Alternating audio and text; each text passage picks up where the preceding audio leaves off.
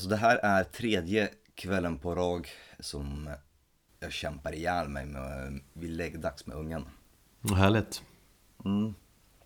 Så att eh, därav min lilla tekask här som jag gjorde för att jag är så jävla less på allting just nu. Jag gillar att du dricker sprit, du dricker aldrig sprit annars, du dricker fan inte ens öl längre Men när det vankas eh, poddinspelning, då gillar jag att du Jag brukar faktiskt supa tar fram till den polska vodkan mm. Ja, men jag brukar faktiskt supa till det ganska mycket när jag är hos mina föräldrar. ja. Är ni en sån där eh, polsk alkoholistfamilj? Ja, nej, men det finns en kanske mer förkärlek för alkohol i, i eller ett släktdrag Mm. helt enkelt. Nej men som sagt, jag hoppas att det ska pigga upp mig. Förmodligen kommer jag göra totala motsatsen, men det är vad det är. Nej men du blir väl lite pigg och peppad först Av spriten, eller? Jag hoppas det. Det är det som är tanken. Ja Jag dricker stout 10,1% mm, mm. Jävla hipster.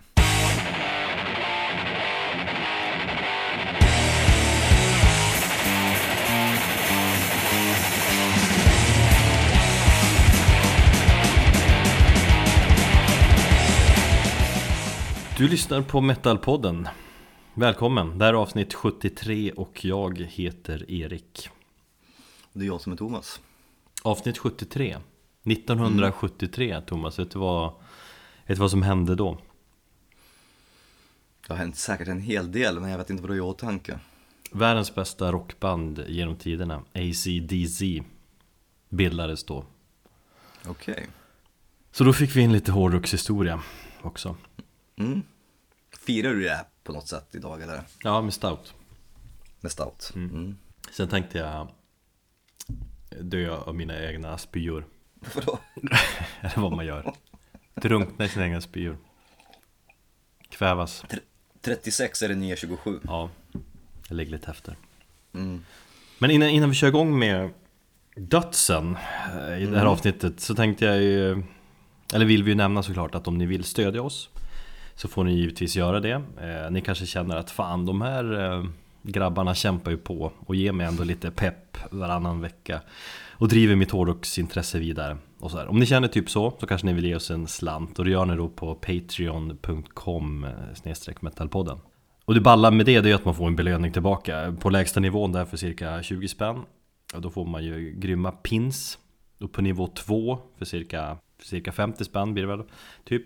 Eh, Så får ni en eh, mäktig Metalpodden mugg tillbaka. Och inget gör ju mig varmare i hjärtat än när, när våra patroner Lägger upp bilder på Instagram och taggar oss när de dricker ur sin mugg. Det är fint. Och du älskar att packa de där muggarna också. Ja, fast det gick ju dåligt sist med en mugg. Patreon.com snedstreck, eller slash säger man kanske, metalpodden, tack Vill man konversera bara eller eh, ge oss feedback så går det jättebra att eh, höra av sig till metalpodden.gmail.com och snacka skit också. Ja exakt, om ni känner efter det här avsnittet att fan, det där stämmer inte alls. Ni missar ju den här skivan och det här bandet och så. Då får ni gärna delge oss den informationen. Det är ju någonting som jag definitivt tycker eh, kan komma upp till diskussion sen. Ja det tror jag. Just när det, när det hamnar, om dagens ämne är någonting som, eller ja, i vissa kretsar tycker jag i alla fall rör upp en hel del diskussion. Möjligt Ja, jo men det är det väl, så, eh, ja Kanske Eh, Jag tänkte fråga dig en sak Shoot! Internationella, eller vad man säger, Record Store Day ligger ju bara några, några, några dagar bort nu när vi spelar in det här avsnittet. Mm. Eh, Och då måste jag fråga dig då hur din inställning är till detta med tanke på att du, ja men dels har du blivit vinylmissbrukare, så här på gamla dagar. Du ska ju gå in på annat missbruk också, ver- verkar som. Mm, absolut. Eh, men vinylmissbruket har du ju. Eh, och så, så det, sen har du också eh, Du har jobbat lite med, med det hela, med Record Store Day, om jag fattar rätt, genom Sound Pollution och så. här. Jo, det stämmer bra det. Mm. Det startade ju en gång som, som någonting för, för de lokala skivbutikerna men det har ju inte blivit det på senare år. Utan det är ju mest ett eh, möjlighet för, eh, ja enligt mig då för företag och, och eller för skivbolag att typ återge typ 75 pressen av någon, någon skiva som är ganska klassisk som sitter på rättigheterna och eh, ja, mjölka kossan helt enkelt. Ja men alltså är inte det en liten inställningsfråga? Alltså det är ju ett kommersiellt jippo men Mm. Alltså det trycks upp de här specialutgåvorna hit och dit men, men, men i grunden handlar det om att hylla och stötta din lokala skivbutik Det är så, det är så man ska Ja men det var ju då så det. startade. Jo absolut, Eh, det var ju så det, det startade men det tog ju inte lång tid innan liksom majorbolag hittade att ja, men här finns det möjlighet att tjäna pengar. På att kränga lite specialutgåvor och en skiva som är bara exklusiv för just den dagen. mm. Men då får det väl vara så Alltså det handlar ju om att gå till din skivbutik Köp Ja, lite absolut. skivor, hylla skivköpandet Sen om det finns massa ointressanta specialvinyler Så är det väl som det är. Jag säger inte att allting är skit utan det finns ju en hel del så här, ganska bra återutgåvor som typ aldrig har getts ut tidigare och sånt där. Men, men som sagt som du säger, stötta lokala butikerna istället. Mm. Du och jag ska ju ut och, och shoppa. Jag tror det, jag vet fortfarande eh, eller, eller ja, jo Det ska vi ju Ja, Det ska vi. då ska vi vara på Soundplusion tidigt så får man rabatt Eller det skiter väl du i, du har ju sån jävla bra rabatt ändå Ja precis, journalrabatt. Fan nu när du snackar på här så ser jag ju att eh, Eller jag kollar sociala medier, eller Instagram här nu att alla man känner typ är på Roadburn. Och så är jag ju medlem i en Roadburn-chatt. Den har jag nu tagit bort Så jag vill ta notiser på. Ja, Jag blir på dåligt, eller jag blir inte på dåligt humör men jag blir eh, ja, avundsjuk Över rätta beskrivningen. Mm. Hoppas det blir väldigt tråkigt för de som är på Roadburn Jag räknar med att tidigast besöka Roburn 2020. Jaha Inte ens nästa Men- år? Eller? Nej, det är nog lite för tätt in på uh, minsta grabben. Jag gillar hur det lät för ett år sedan när du precis hade varit där att äh, jag, kommer, jag kommer åka på varje roadburn nu och äh, nej, Vi får fixa det på något vis Ja, men då var man ju lite halvt eh, påverkad av intrycket och en massa andra saker. mm. Allmänt har de väl sagt att det är ganska tråkiga band i år va? Ehm, Jag har inte kollat jättenoga men Den här roadburn-chatten jag är med, där, där klagas det Ja, det är ju många, vet du, ehm, eh, ganska, alltså det har ju gått från att vara den här Doom och Kult till ganska mycket black metal till någonting som är ganska så obskyrt just nu, mm. tycker jag. De testar väl, verkligen nya band som man egentligen inte har hört talas om så mycket tidigare. Ja men det är det som är det roliga med den festivalen Mm. också Skitsamma, vi ska inte dit så att äh, vi Varför ska vi spåna om det? Ja. ja men det är jobbigt som sagt att se alla sociala Vi medier får, vi får ta och återkomma om Record Store Day helt enkelt och berätta om våra, eller redogöra för vår dag.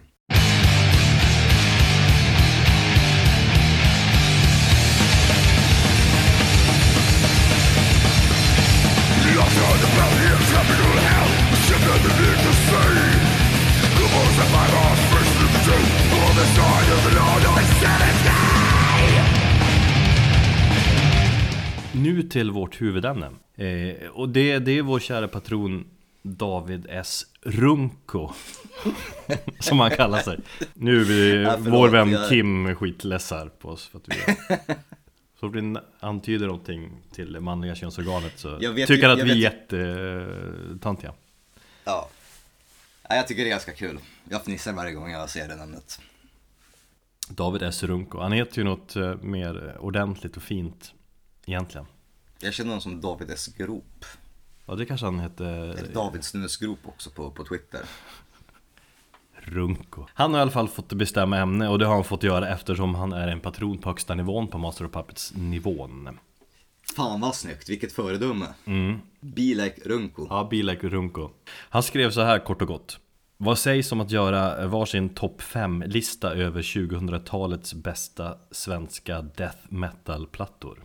Mm, lite int- intressant tycker jag då. Svensk döds, jättevärldskänd. Eh, har ju inspirerat hundratals band runt om i världen. Genom att pressa in en Boss HM2-pedal och, och mangla på. Men det snackas ju alltid om de här äh, klassiska banden. Alltså från slutet av eh, 80 är det väl va? Början på Och 90-talet. början av 90-talet. Det vill säga Entombed såklart, Dismember, Unleashed, Grave, vad har vi mera? Merciless och så vidare. Mm. Ja. Det är tjatigt. Man är ju less på de, de där banden. Att snacka om Är band. man det verkligen? Nej men att snacka om banden hela tiden. Snacka om det, man är ju inte less på genren. Nej, eller ja, från och till kan jag känna att jag blir det. Det går i vågor. Mm. Därför, ja, men just därför tycker jag det är extra intressant att köra just 2000-talet. Det är liksom inte lika klassiskt sådär. Och det, då blir det också lite svårare. Eller det blir, det blir intressantare. Mm. Det blir lite modernare, kanske. Ja, det vet jag inte om det blir. Möjligt. På ett bra sätt. Eh, Mm. Och det är ju, som jag tolkat det, är det ju mer eller mindre klassisk rak döds som vi är inne på då, eller som han vill Som han vill att vi ska lista Herr Runko Ehm, Hade vi, vi har ju egentligen inte diskuterat det här, men hade han, eh, fick man sväva ut lite grann inför det? nej, Jag skrev bara intressanta ämne, tack och hej Ja, men ja. Det kanske han blir skitsur av. Nej men jag har ju tänkt att det blir, det blir inga sidospår inom genren, alltså det blir inget Ja men ingen progressiv döds då, liksom Opeth eh, får inte vara med till exempel Nej. Annars hade de ju kanske fått vara med Det blir ingen melodisk eh, Göteborgs döds heller Typ. Nej, det blir inget Dr. Quillity eller In Flames eller så. Nej, det går ju också bort Jag har ju också tolkat det som så att det, var, det, det han menade var ju ren och skär döds. Sen kanske vi är i gränslandet någon gång ibland va? Precis, eh, och då får jag ta och motivera mitt val också. Varför? Jag tror att du håller dig ännu närmare liksom själva linjen än vad jag gör. Ja Ja, fast kanske inte, vi kommer väl till det också Så vi kör igång Och eh, som vanligt då, om ni inte gillar döds Då kan ni stänga av Eller Om om, inte gillar barn heller. Ja, ja exakt. Om ni inte, ja. Ja, men om ni, eller om ni inte gillar döds så kan ni ju lyssna ändå. Kanske börja gilla genren eller lära er något i alla fall. Vad gillar man om man inte gillar döds då? Ja, det finns många som inte gillar döds. Dalje. Varför måste de sjunga sådär? Och så lyssnar de på Striper. Ja, man kan ju gilla sin 80-tals eh, hair metal. Jag lyssnade på lite eh, Boston och Kansas på vägen hem från jobbet idag. Ja, Bara för att bryta av eh, i allt annat musiklyssnande. jag känner att det är bra skit. Ja, faktiskt. More than a feeling. Det är ju det är ju bra välkomponerat och välproducerat och på alla sätt. Mm. Vi får kanske dyka ner i det framöver, vad vet jag? Döds är det. Nej men då, vad blir det? Det blir fem, eh, fem album rakt upp och ner. Från vardera av oss. Nej men jag tänker, det är lite omständigt kanske att göra varsin topp 5-lista också Eller lite tråkigt eftersom vi skulle väl vara överens om fler, flertal skivor kanske Så ja, ja, exakt, vi har listat fem favoriter var Inte nödvändigtvis någon inbördes ordning, inte för mig i alla fall inte för mig heller egentligen. Men du gillar ändå att säga topp 5 Ja, för att det, ja, det kanske finns någon, någon tanke bakom det hela men på det stora hela så vill jag mest eh, gå in på fem kanske personliga favoriter. Nej men exakt, vi snackar favoriter På plats nummer fem då, nej men nummer fem på min lista det är Morbus Kron. Och eh, redan där så bryter jag ju egentligen mm, själva linjen där som David Esarunko vill att vi skulle följa.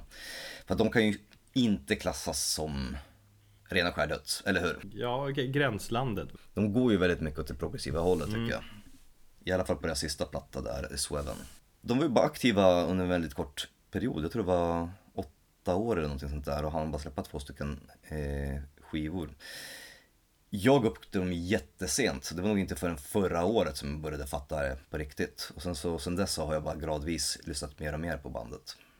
Jag har väl egentligen, mm, när jag tänker efter, bara hört Eller jo, jag, nej, jag lyssnade in, in mig på dem lite grann eh, med tanke på att eh, två medlemmar var med och spelade i Entomb där Mm, just det. Men det var den första skivan jag lyssnade med på, den, den är mer döds ju. Jag kommer inte ihåg hur den senaste riktigt lät Men det, den, det är den som är mer progressiv då i sådana fall Det är, det är möjligt att eh, den, den första, jag tror den hette Sleepers in the Rift. Den är, ehm, just det. den är lite mer rakt på sak. Mm. De med Sweven tog ut svängarna i alla fall. Nej men jag, alltså just de här progressiva tongångarna gillar jag. De har ju liksom spansk gitarr och en hel del häftiga saker för sig i låtarna. Varför har de eh, splittrats? Det vet jag inte. Jag försökte kolla upp det där lite grann men eh, jag fick ingen riktig, eh, eller jag hittade ingenting på det faktiskt. Så det kan ju vara så att, eh, ja, att eh, två av medlemmarna fick möjlighet att även gå till en tom kanske. Eller så vet jag bara allmänt. Men vad, vadå, var det i samband med det? De? Nej, alltså när spelade på en tom, eller när spelade dem på Close Up-båten, det var 2016 va? Det var november 2016. Ja. Och de splittades i under 2015. Mm. Som hade och för sig redan splittrats tror jag. Men i alla fall, nej, jag, jag, jag inser så här efter att jag har lyssnat på den väldigt mycket nu och speciellt den sista plattan Sweven från 2014. Eh, som jag totalt ignorerade eller till och med dissade den när den kom. Men eh, att den, den har någonting och det påminner ja, stundtals om lite grann om Tribulation också.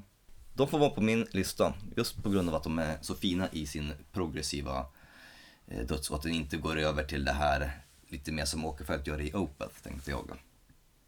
Där gick min gräns, om du förstår. Ja, det är ju superprogressiv döds ju. Så vi ska lyssna på slutet av The Perennial Link. Eh, ett jäkligt fint stycke.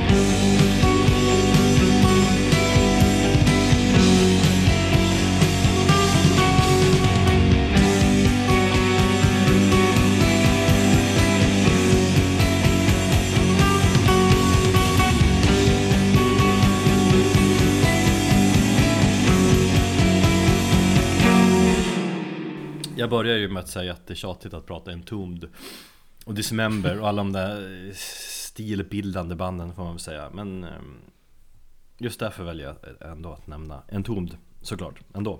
De måste ju finnas med på sån här lista helt enkelt.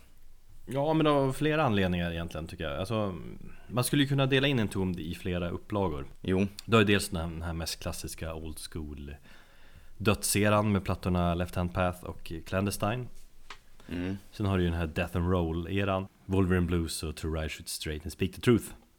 Eh, Den eran är jag ju mest svag för. Då Nicke tog in sina rockinfluenser. Det är liksom mer sväng på de plattorna. Mm. Rockdödsen är ju the shit. Och sen har du ju egentligen den tredje eran då eh, Eller vad ska säga, en tomd utan Nicke Andersson. Mm. Och den eran tycker jag är väldigt, väldigt underskattad Alltså man snackar ju alltid, när det ska snackas Entombed då ska det alltid snackas old school Entombed Oftast, men de skrev ändå jävligt mycket intressant även utan Nicke Han hoppade ändå av där 95 liksom. Mm. Och jag har varit inne på det tidigare också men Uffe Sedelund är ju Han är ju total chef under den här tiden Mm. De släppte ju för sig bespottade Same Difference 98 men sen gjorde de eh, någonting av en eh, comeback kan man ju säga på något vis med Uprising-plattan år 2000 Just ja. Det är lite av en tillbakagång, i alla fall soundmässigt, alltså råare Det var den plattan som jag eh, typ fick mig att fastna för bandet. Ja, coolt Mm. Men den är, den är ju råare ljudmässigt Det är fortfarande Death and Roll-facket någonstans väl? Ja Mm, jo, eh, Fan man skulle kunna kalla det lite som en rockplatta i döds eh, skrud Eller vad man ska säga Alltså Sångmässigt och produktionsmässigt är det ju dödsigt som fasiken Men om man lyssnar på Gitarrsolon och många riff och så tycker jag att det, då är det ju bluesigt Emellanåt Mm. Ja men det låter som en ganska bra beskrivning. Ja, rockdödsen, det är the best of döds Som jag brukar säga Du, apropå en tom så här. Eh, jag tänkte bara fråga dig nu när vi har snackat och peppat en ny en skiva och liksom spekulerat om den. Hur känner du inför en eventuellt kommande skiva? Det beror på helt och hållet på vilka som är med i den Ja men det ser att det är samma som spelade på eh, Close Up-båten. Ja, då skulle jag gå igång som eh, satan på det alltså. Om Nick Andersson är med. Det, är ju, det skulle vara ja, men Det skulle vara jättestort alltså för hela hårdrocksvärlden någonstans ju. Jo. Skulle inte du känna det? Jo, absolut. Jag var bara nyfiken på om du hade ändrat uppfattning. Nej, inte alls. Tvärtom. Härligt. Mm. En annan anledning att, anledning att Uprising är så bra Det är ju för att det är, det är så jävla snyggt omslag Omslaget Ja, det är det. Fan i mig, så jädra snyggt Det var ju det jag fastnade först för. Omslaget och sen musiken. Bild, googla det, Entombed Uprising Svart och vitt och så old schooligt Like hell. Mm. Men eh, vi lyssnar på Say It In Slugs. För det är en så jävla bra låt. Varierande, eh, ball uppbyggnad och sådär. Och så Extra coolt, eller intressant för att de har återanvänt eh, riff från eh, låten Left Hand Path. Och hur då funderar man då? Ja men det får man, då får man jämföra och lyssna lite grann för att lista ut det. Det visste jag inte. Ja, men det hörs ganska tydligt.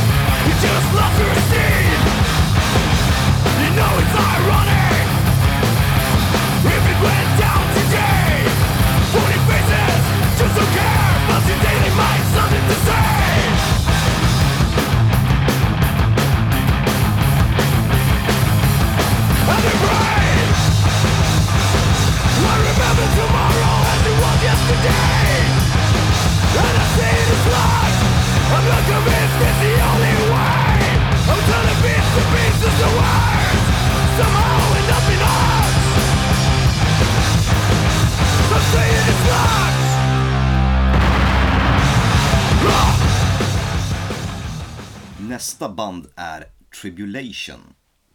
Och det är ett band som har genomgått en, jag tycker helt fantastisk utveckling från första plattan till den nuvarande. Helt enkelt så finns det egentligen ingenting om det där, dåligt att säga om de där plattorna tycker jag. För att de uppfyller så många olika kriterier i mitt lyssnande.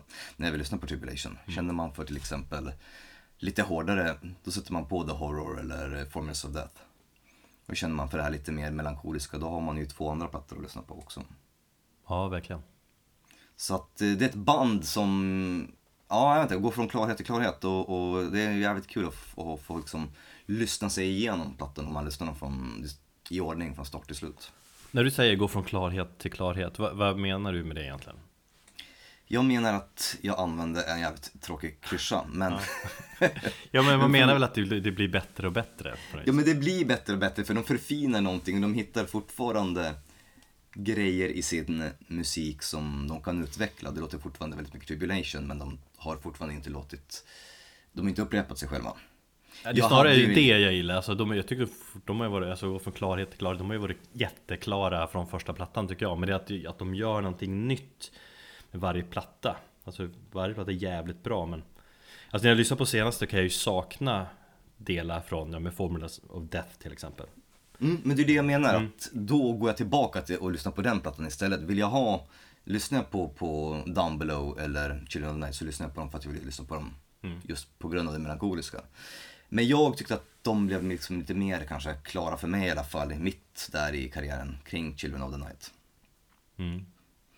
Mm. Eh, Men alltså, jag hade en liten farhåg om att den här nya plattan då, Below, inte skulle vara, eller att den kanske skulle göra mig besviken i och med att jag tyckte att hur, hur mycket liksom, musikaliskt hopp kan de göra från platta till platta utan att det liksom går helt åt skogen. Så att jag menar, hoppet mellan till exempel eh, första och andra plattan eller andra och tredje plattan är inte lika stort på mellan den tredje och fjärde. Hänger du med? Ja, Så visar den sig också att Brodski är ju helt fantastisk och att de har liksom lyckats skruva upp sin grej ytterligare. Typ göra den lite mer gotisk kanske. de kommer ju alltid eh, troligtvis köra med dödssång liksom. Så att de har ändå den beståndsdelen. Men det, det känns som att någonstans i framtiden kommer liksom cirkeln slutas och, och, och, eller kommer de köra, eller plocka in lite äldre element igen kanske. Jo, men det känns ju som en ganska vanlig sak man kan göra. Ja, när man har gått hela varvet runt. Eh, men vi ska faktiskt eh, fokusera på första plattan, The Horror. Eh, faktiskt en av de första skivorna som jag införskaffade på, på vinyl. Vi säger det här äh, nypressen. För den var ju dyr som satan ett tag. Ja, precis. Jo, nej men det är nypress. Mm. På det sättet är jag ingen, ordentlig vinylsamlare för jag skiter i alla de här specialutgåvorna och alla originalutgåvor. Jag köper bara nypressare, de är billigare. Du är inte riktig vinylmissbrukare ännu. Nej, det är jag inte. Och du har tänkt på samma sak med, det med färger och sånt. Men det är ju coolt, tycker inte det är snyggt? Kolla in Det kan man göra förresten, man går in på Instagram, kollar Metalpodden och kollar så här, sparade händelser man säger uh, Vi har en kategori som heter vinyl Där vi lägger upp vad vi lyssnar på Där lägger jag upp massa färgglada, snygga vinyler Du har bara svart som natten vinyler Ja, ja jag börjar få lite mer färgade vinyler. Bland annat den nya Abramis Brahma-vinylen, den var ju jävligt läcker. Alltså har redan skivan släppts? Den släpps, eh, den har släppts när det här avsnittet sänds. Men här mellan dig och mig så släpps den eh, imorgon. Fy Nej förlåt, fan. på fredag. Mm. Nej men det, det jag tänkte på när jag eh, lyssnade på The Horror idag och eh, jämförde den med de två senare plattorna var hur mycket råare han i rösten. Och det som du säger, det kanske jag kan sakna lite grann när jag lyssnar på den nya plattan. Men då går jag ju tillbaka till The Horror och lyssnar på den. Så att jag har min liksom go-to-platta för den. Och det är väl där de var mer eller mindre ganska så renodlad döds, eller? Ja, det tycker jag absolut De progressiva influenserna kommer ju inte förrän på, på form, Formulas-skivan. Eh, så därför tycker jag att den plattan kvalificerar sig på en lista som denna. Och vara ett av 20-talets bästa dödsalbum. Yes Vi lyssnar på The Vampire.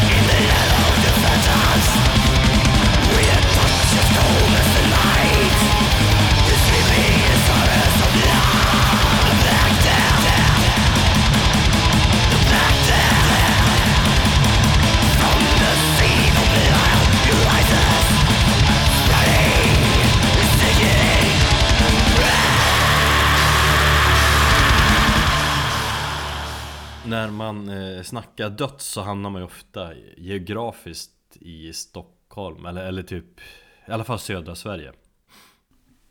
Ja, det stämmer. det, det var en anledning till att jag upptäckte Feral ursprungligen. De kommer från Skellefteå. Det är de alltså.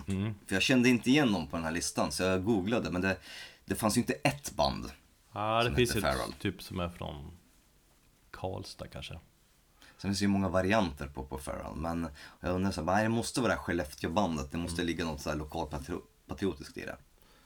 Ja fast Skellefteå har jag ju svårt för med tanke på hockey och sånt. Nej men de är från eh, Norsjö egentligen, eller ursprungligen tror jag Två av medlemmarna, alltså det ligger ute på Vischan något åt helsike Jag har ju spelat Spelat faktiskt där på ett lastbilsflak Med mitt eh, Okej. Umeåband eh, Harvey's Rockos. Nej, Dirty Mischief Ja Okej.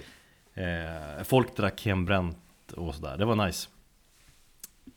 Men eh, sidospår. Jag fick upp eh, ögonen för bandet i alla fall där när de släppte debutplattan Drag to the Altar i 2011 Som jag tyckte var svinbra. Och det tycker jag fortfarande faktiskt när jag, när jag lyssnar igenom den för en dag sedan Jag har ingen aning om, om hur det låter. Kan du beskriva musiken på något sätt? Ja, alltså- Låter det stockholmskt? Ja, jo. Alltså de släppte ju Where Dead Dreams Dwell också 2015 som jag inte lyssnat lika mycket på. Jag tror att 2015 var inte var inget bra, jag var inte så dödsig det året eller någonting. Eller jag vet inte varför jag inte lyssnar lika mycket på den. Men, men den skivan är också bra. Den är hårdare och mörkare känns det som. Eh, Sen ska de faktiskt komma med ett nytt album i år och de har släppt ett eh, smakprov som, som lät kung. Men eh, debutplattan Drag to Alter, det känns det känns som att de har lyssnat väldigt mycket på Entombeds eh, Wolverine Blues när man hör den. Okej. Alltså hård eh, och fet death and roll så här, som jag gillar. Alltså bra dynamik mellan, mellan eh, sväng och rakare döds. Som det, ska, som det ska vara. För det kan ju bli lite för tjatigt kan jag känna när det bara är rakt, eller klassiskt rak döds en hel skiva igenom. Då brukar jag ledsna. Det finns ju typ, ja men typ tusen band som låter så. Men Farrell ledsnar inte på i första läget. Sen gillar jag namnet också, betyder typ vildvuxen eller sånt där va? Mm, är det snyggt? Det passar bra in. Sångaren har, han har jä- jävligt mycket hår, väldigt mycket skägg. Eller hade i alla fall. Jag kollade någon musikvideo. Och bra growl-teknik. Så det, Får kolla upp dem helt enkelt. mm, jag tror du kommer att gilla dem. Och som sagt, de är ju jätteaktuella nu också när de ska släppa nytt i år. Så det ska bli intressant. Vi lyssnar på låten Alter of Necromancy från skivan Drag to Alter med bandet Feral.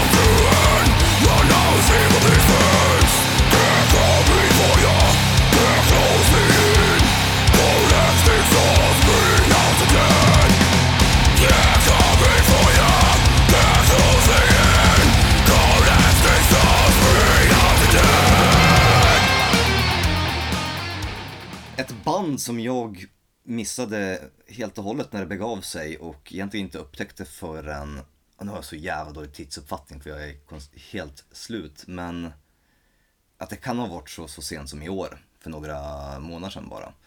I alla fall, det är eh, Murder Squad. Ett visst dödsband som eh, ja, huserade ett par gäng ganska så kända eh, musiker. Vi hade ju bland annat Peter Stjärnvind, eh, Matti Kärki och eh, Uffe Cederlund såklart. Uffe! Alltså det är, man plockar ju ihop, det är en blandning mellan Dismember och Entombed. Eh, Precis. För mig är det ju helt tvärtom, för mig, alltså jag lyssnar ju på dem, jag, när du hade skrivit dem så tänkte jag app, app, app, app, app. De släppte ju skivor på slutet av 90-talet, men det var ju början av 2000-talet, så länge sedan var det jag Ja, lyssnade på dem. de bildades 93 men första plattan släpptes inte förrän 2001. Jag kan tänka mig, eller jag kan satsa mycket pengar på att de bildades på någon gemensam turné mellan Dismember och eh, Entombed. De, Ja. de har ju hjälpt varandra mycket och sådär. Så det bara, fan Jo, vi precis. startar ett band. Och så kör de någon fyllerep och så några år senare, men fan nu gör vi någonting av det här. Men det, alltså, för mig så, så är det helt fantastiskt hur jag har kunnat liksom, totalt undgått dem, eller hört talas om dem under alla dessa år. Nej, Uffe är gud. Ja. Det är samma sak som eh, bandet Pagandum, eh, Göteborgsbandet. Det var ju också så här. De var ju väldigt aktiva under tiden jag lyssnade på Göteborgs Studs. Där i början och mitten av 90-talet. Men jag hörde inte dem förrän typ för ett år sedan. Tidigast, men, senast. men det är ju sådär. Alltså, Murder Squad, de har ju inte, de släppt, eh, vi säger två plattor de har släppt ganska tätt, Ja. tätt in på varandra också. Om man, Ja. Du kanske var inne på en annan typ av musik de åren och det är ju lätt att missa dem. Ja. Men det, det jag gillar med Murder Squad är att de låter inte så jäkla mycket Stockholmsdöds. Det låter mer Florida-döds. Mer amerikansk dödsmetall. Ja, mer äldre döds. Ja, jag tänker främst på Autopsy. Ja, precis. Eh, just det här, speciellt det här strupgurglandet och sättet vissa låtar är uppbyggda. utan Det är bara så här kaos och det låter som ett muterat monster. Och liksom Entombed eller Nihilist när de, när de körde igång, de var jättesuperinfluerade av Autopsy också. Och jag har ju peppat eh, Autopsy ganska mycket under hela det här senaste vinterhalvåret. Så att eh, det är därför jag svalde, med, svalde det med hull och hår. Det är plattan Ravenous, eh, Ravenous Murderous från 2002. eh, Och låten Born in Sewage, Bred in Bile som vi ska lyssna på. Men bandnamnet är väl ändå kast. Det är väldigt nu metal känsla på det. Det är inte så Ja, jag kan hålla med om att det inte är speciellt eh, kreativt. Nej.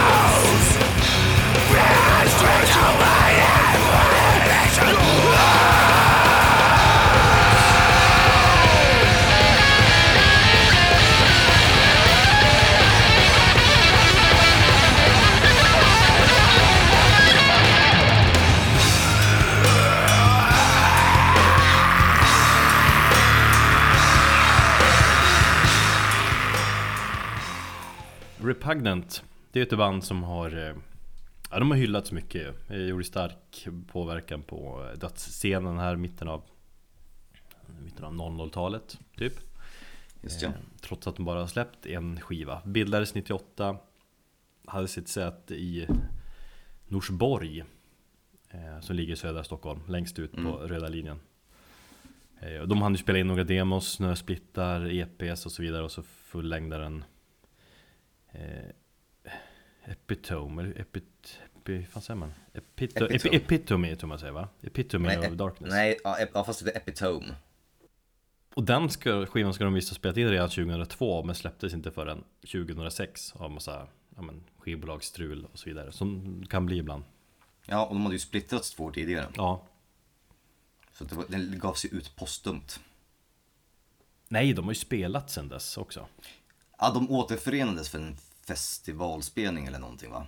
Ja, Några, wow. några år på, på 10-talet. ja men jag tror, ja okej då.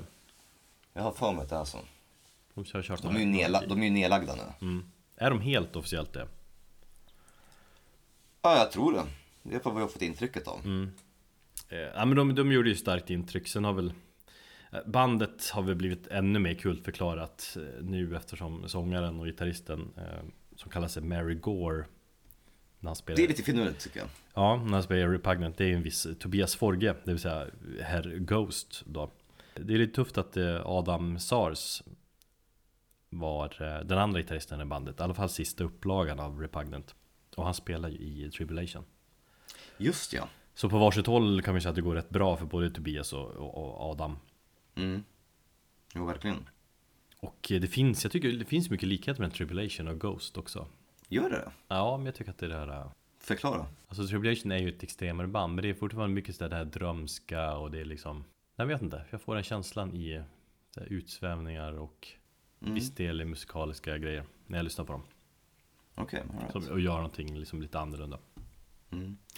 Men det är, det är svårt att inte imponeras av den här plattan Repugnant-plattan för att Jävligt elak produktion på något sätt Ja, men det låter ju inte heller så här supersvenskt. Nej, alltså det verkar ju jätte Verkligen old school, gammal döds Mm. Mörkt och aggressivt Barbarisk känsla sådär Nästan lite mer åt eh, sydamerikanska hållet faktiskt. Tidiga Sepultura. Tänker på sarkofa- sarkofago ja. Mm. Jag känner lite Slayer, gamla Slayer-vibbar på något ställe Så att det är kanske lite åt thrash-känslan man får också Ja, ja jo, jo, absolut. Möjligtvis Eh, Men samtidigt är det en del humor i det hela också alltså, Som sagt artistnamnen Mary Gore Roy Mormid, Mormidson eh, Side E. E. Burns och Chris Piss Just det kan jag dock bli lite less på när det handlar om, handlar om dödsmetall Alltså det här eh, Zombie-temat och gravar och he- hela det där liksom grejen Om man får gnälla, är inte det lite tjatigt? Zombie, alltså om det är väldigt mycket fokus på zombie i dödsen då har jag jättesvårt för det. Det är lätt att det blir väldigt pajigt. Ja men det är ju superpaj, det här är ju också pajigt Fast jag tycker inte Jag tycker musikaliskt är det allt annat. Jag har aldrig fått någon pajig känsla eller att det skulle vara på något sätt för mycket zombie för mig. Musikaliskt är det hur bra som helst Men det är ju som samma sak med nästa band jag ska prata om också Är det också det där äh, Zombie-temat liksom det- här är odöda och Det är gravar Ja. och smuts liksom Ja, men det görs på, på, på, på, på ett finare sätt. Ja Men lite, vi säger lite tjatigt Det är precis som att det ska vara så alltså. Om vi kan gå vidare så säger jag okej. Bra Sen när jag läst om Repugnant, jag har kollat lite forum och grejer så är det ju Jag är ju många älskar ju plattan Men sen är det många som frågar sig vad som egentligen hände Du vet, fan de var ju hur bra som helst Vad, vad hände med det här bandet?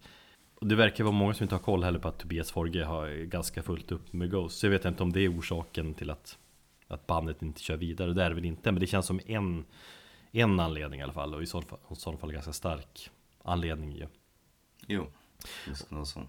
och det är kul att leka med tanken då och fundera på om bandet hade fortsatt om inte Ghost hade slagit igenom. Mm. Jag tror inte det hade blivit någonting av det, men ja.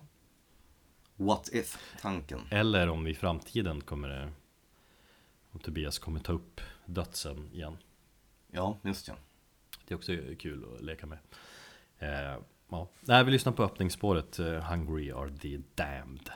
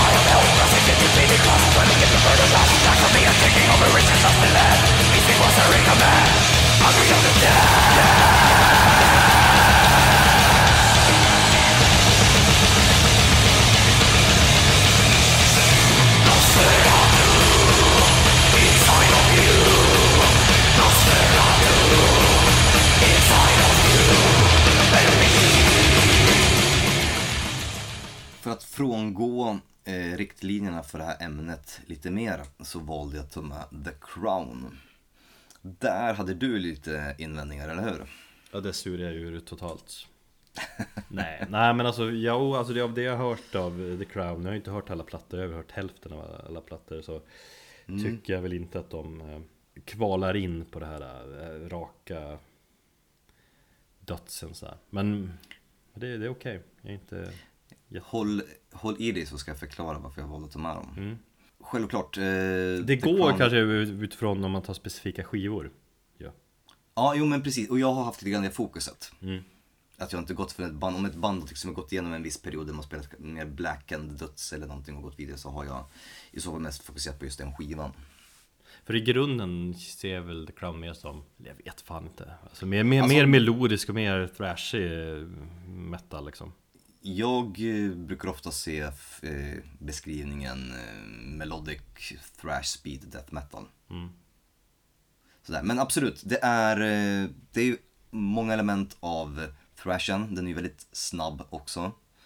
Men det är också väldigt mycket dödselement och just skivan Crowned in Terror från 2002 känns ändå som den mest dödsiga av alla deras skivor i karriären.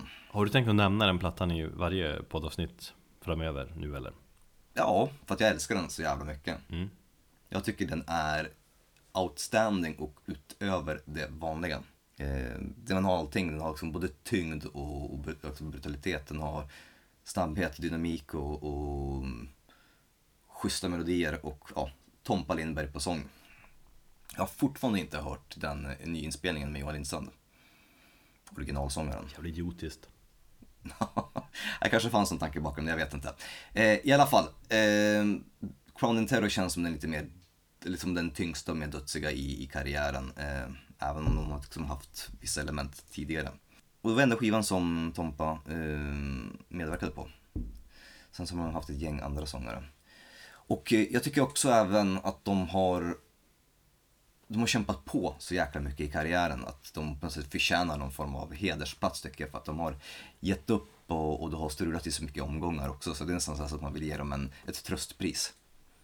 Sen är väl en allmän inställning till dem att de är, att de är jävligt underskattade. Att de inte riktigt blivit så stora som de förtjänar att bli. Nej, äh, ja, jag håller med dig absolut. Eh, För att... eh, Men det är för att de, så- släpper för många skivor. Nej, det är för att de har haft så mycket otur. Jag minns när internet eh, var relativt nytt och eh, det var precis, eller relativt nytt, det var det kanske inte. Det var tidigt 2000 men eh, jag ser så här skitdåligt kodad eh, hemsida eh, från typ eh, In Flames och The Crown och alla de här banden som jag brukade gå in på varje dag och läsa nyheter. Och då var det efter en turné där man hade kommit in och hade precis släppt tror jag, Possessed 13 och sagt att nej nu skiter vi i det här. Då var det liksom så här under news en liten tagline, men skiter vi i det här. Sen så åter, återuppstod de, sen så hoppade den andra sången av, sen kom Jonas Stålhammar in ett tag och sjöng på Doomsday King och sådär. Och hade väl för mig en trummaskin eller någonting på, på förra plattan och sen så tycker jag de gjorde en stilartad comeback eh, med eh, Cobra Speed Venom. Du har ju peppat den skivan så mycket så att då har jag automatiskt blivit lite mer neggs där. Men det är, sen har det kommit från många andra håll också hur bra skivan är. Sen har jag insett själv också att fan det här är, det här är ju bra skit. Det är jävligt bra skit. Tredje anledningen till att det, den platsar på den här listan det är för att de har ju för fan en låt som heter Death Metal Holocaust. Och det är den vi ska lyssna på. Det är min absoluta favorit med bandet.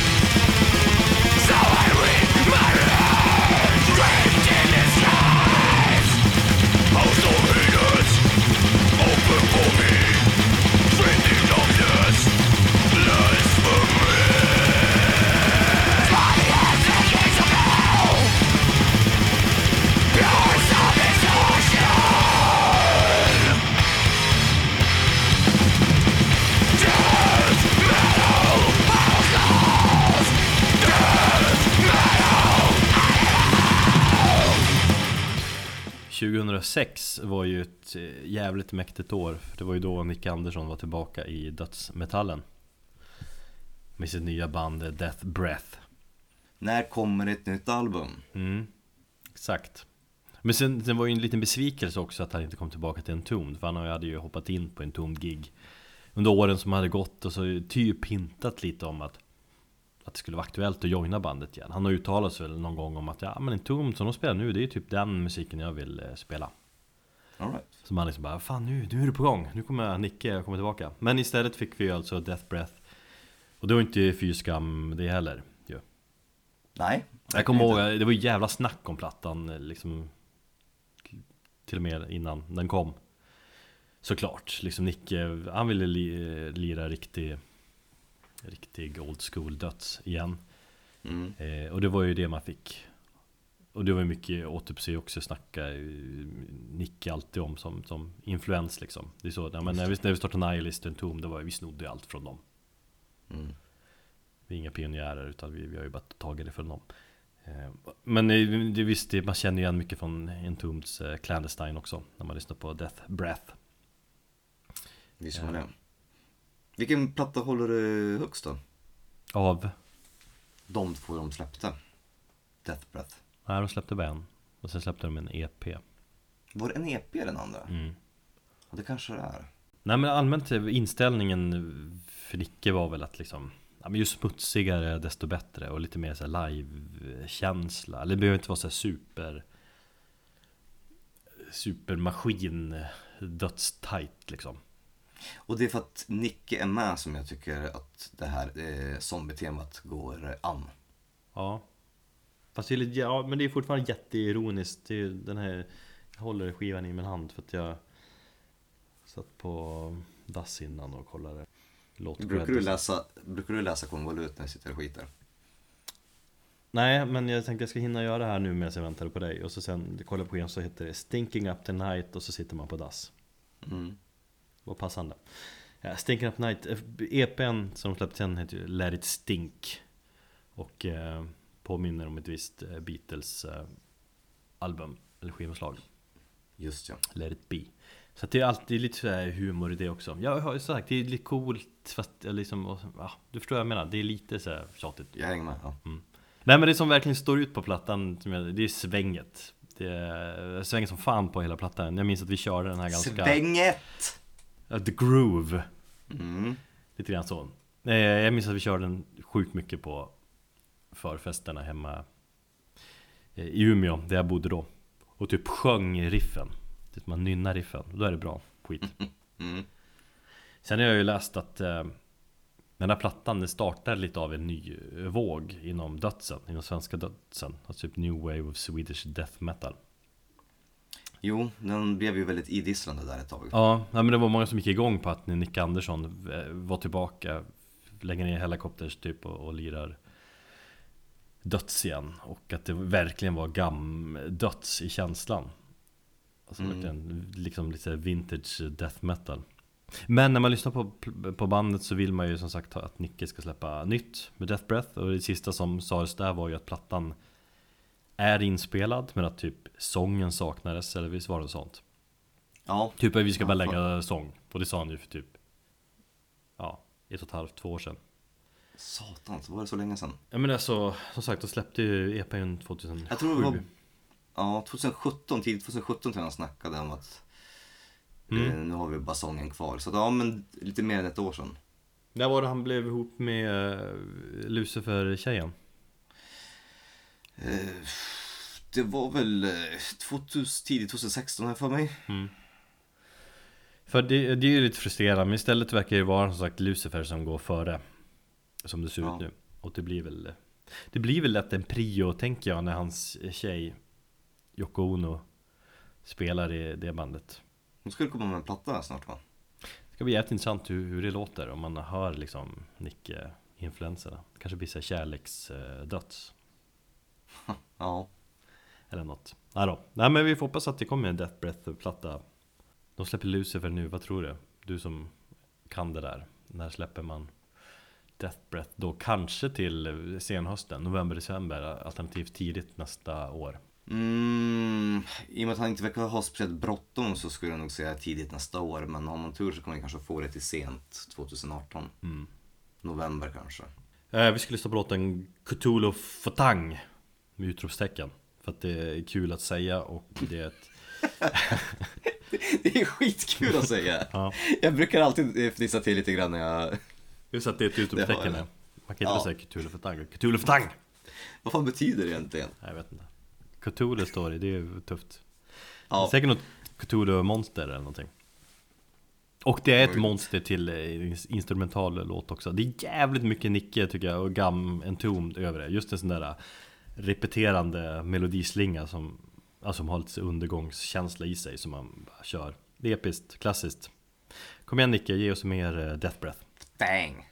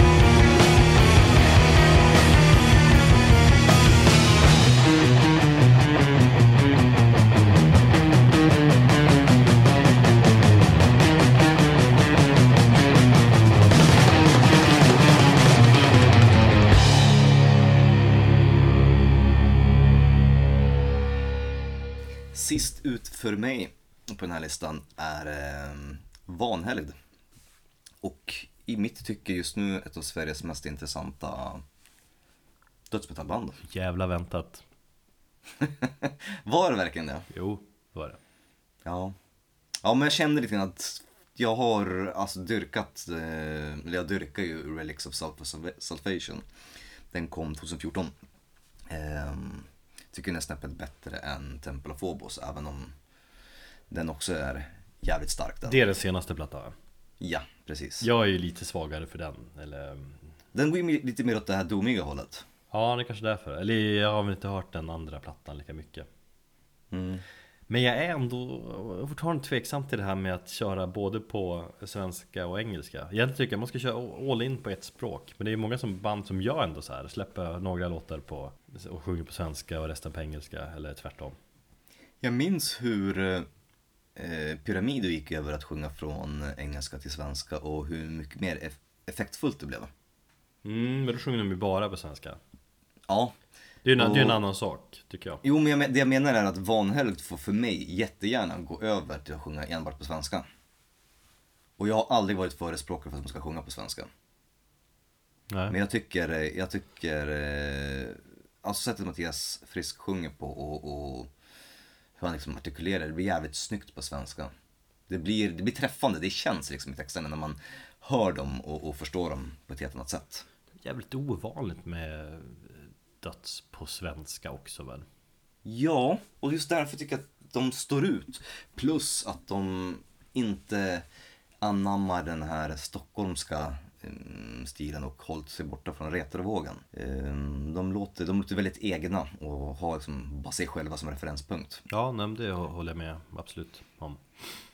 Och eh, ja, de firar ju tioårsjubileum som band i år så när jag pratade med eh, herr Frisk tidigare i år så sa han att det skulle komma ett album i år. De håller på att spela in det vad jag förstår just nu. Så mot hösten hoppas jag. Och så hoppas jag att någon får för sig att eh, ta tag i och ge ut eh, bandets första vinyler. För de finns inte att hitta någon annanstans förutom på Youtube. Där får ju du Eller- styra upp. Två första skivorna ja. Ja. Ja absolut, men om jag ska starta skivbolag så ska jag fan inte just nu, inte när jag inte får sova och ta tre timmar och lägga barn. Inte ha några cash. Och jag inte har några cash, men absolut, det är en, det är en tanke och en plan eh, som är inom en överskådlig framtid. Får jag vara med då eller? Ja, absolut. Men hur som helst, till dess har de kanske redan fått sina två första plattor utgivna på vinyl. Vad mer kan jag säga? Nej, men som sagt, bildat 2007 i Mjölby. Så just det här att de håller sig i, Småland och håller sig långt borta ifrån... Nej, fan, jo, Mjölby, det är väl Småland. Nu ska vi se här. Östergötland.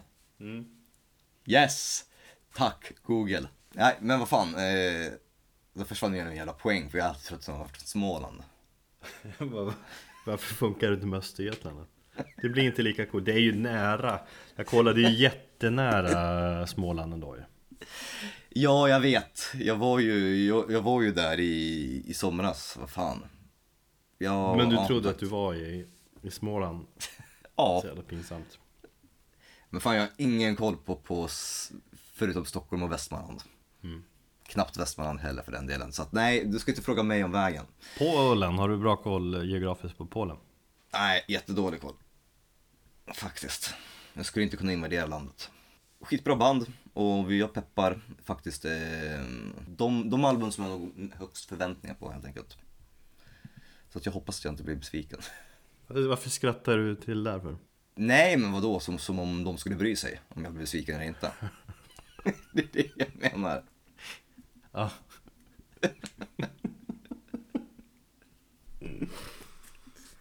Eh. jag orkar inte. så kul är det mitt i meningen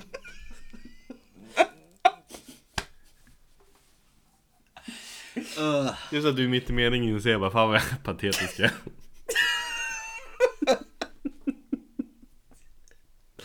Det blir som bryr sig vad jag tycker Ja. Ja. Bra. Vanhelgd. Eh, vi ska lyssna på Relics of Sulfur Salvation. Från den plattan har jag valt låten Where All Flesh Is Soil.